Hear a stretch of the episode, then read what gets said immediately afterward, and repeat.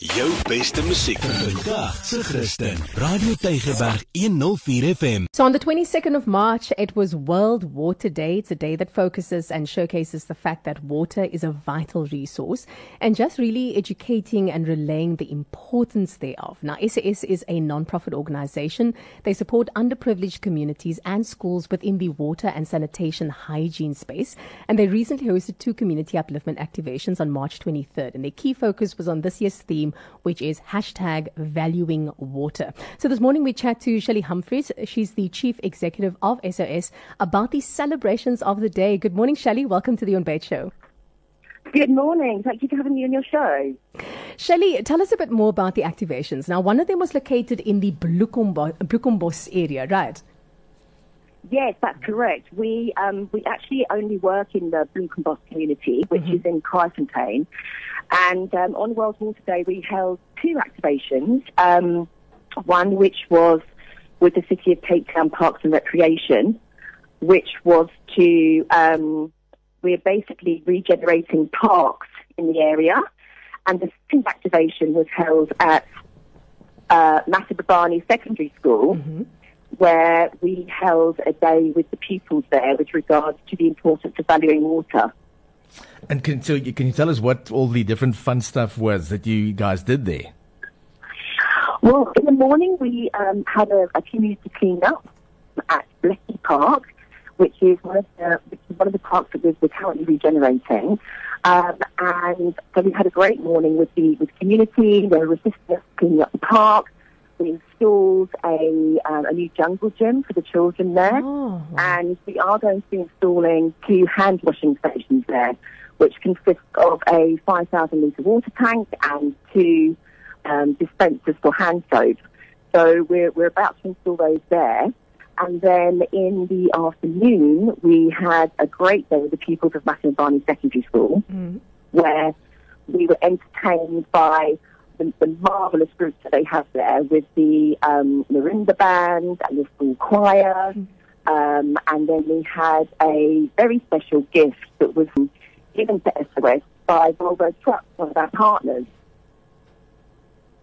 Oh, that sounds amazing. Um, so, in, uh, Shelley, in terms of the ultimate goal, because you touched on a couple of the things that you guys did in terms of the activations and the types of celebrations it was enjoyed, but what was the ultimate goal of this day?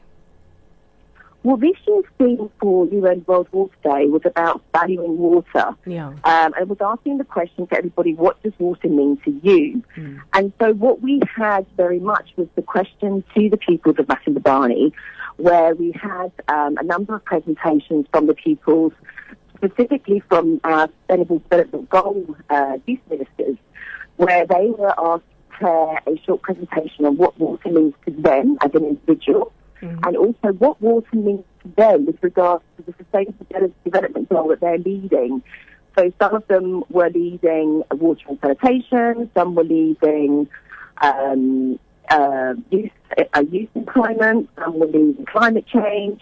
And so it was very interesting for, all of us to hear exactly what they were what they were thinking, what was going on in their heads. And obviously we know with the Sustainable Development Goals, but we really need to involve the youth um, as they're going to be the future yeah. of this world. And so it was very exciting, and they, they had a they had a marvelous day, and it was a beautiful sunny day, and we had um, some some some water challenges outside in the field where we had some prizes for them, um, and it was a really really great day. I mean, we've been working with the Lisbon community for over three years now, and obviously during COVID from March last year, we've been installing uh, water stations and uh, sanitation hand washing units in the community, specifically in high foot count areas, um, with the aim to provide additional sanitation resources to the community.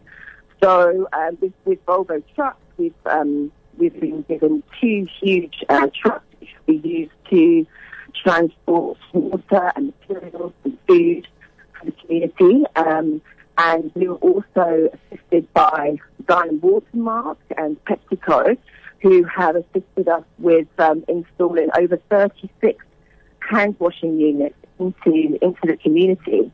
So um, we're, we're, continuing, and we still have another I think, 14 hand washing stations to install. Oh. So our on site team are incredibly busy. just, just finally, Shelly, how can people connect with you? Oh, sorry, I didn't hear you. Uh, how can people connect with you? Okay, we're, we're actually very active on our Facebook and LinkedIn page. So if you just search for at SOS NPO or at SOS CPT, you'll find us on Instagram, which is actually led by our youth, um, Facebook, LinkedIn, and Twitter. Um, so we also have a, a, a website on www.soscpt.org, which gives a nice rundown of the projects that we're currently involved with um, and how um, anybody out there who would like to help um, can become involved.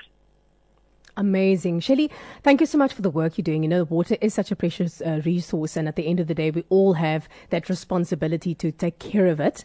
Um, and I think it's very important what you're doing. And I just love the fact that you are gearing it towards the youth because at the end of the day, they are the future leaders um, that we have. So it's important that we start at that foundation phase. Thank you so much and have a lovely day. Thank you so much. Jou beste musiek vandag se Christen. Radio Tygerberg 104 FM.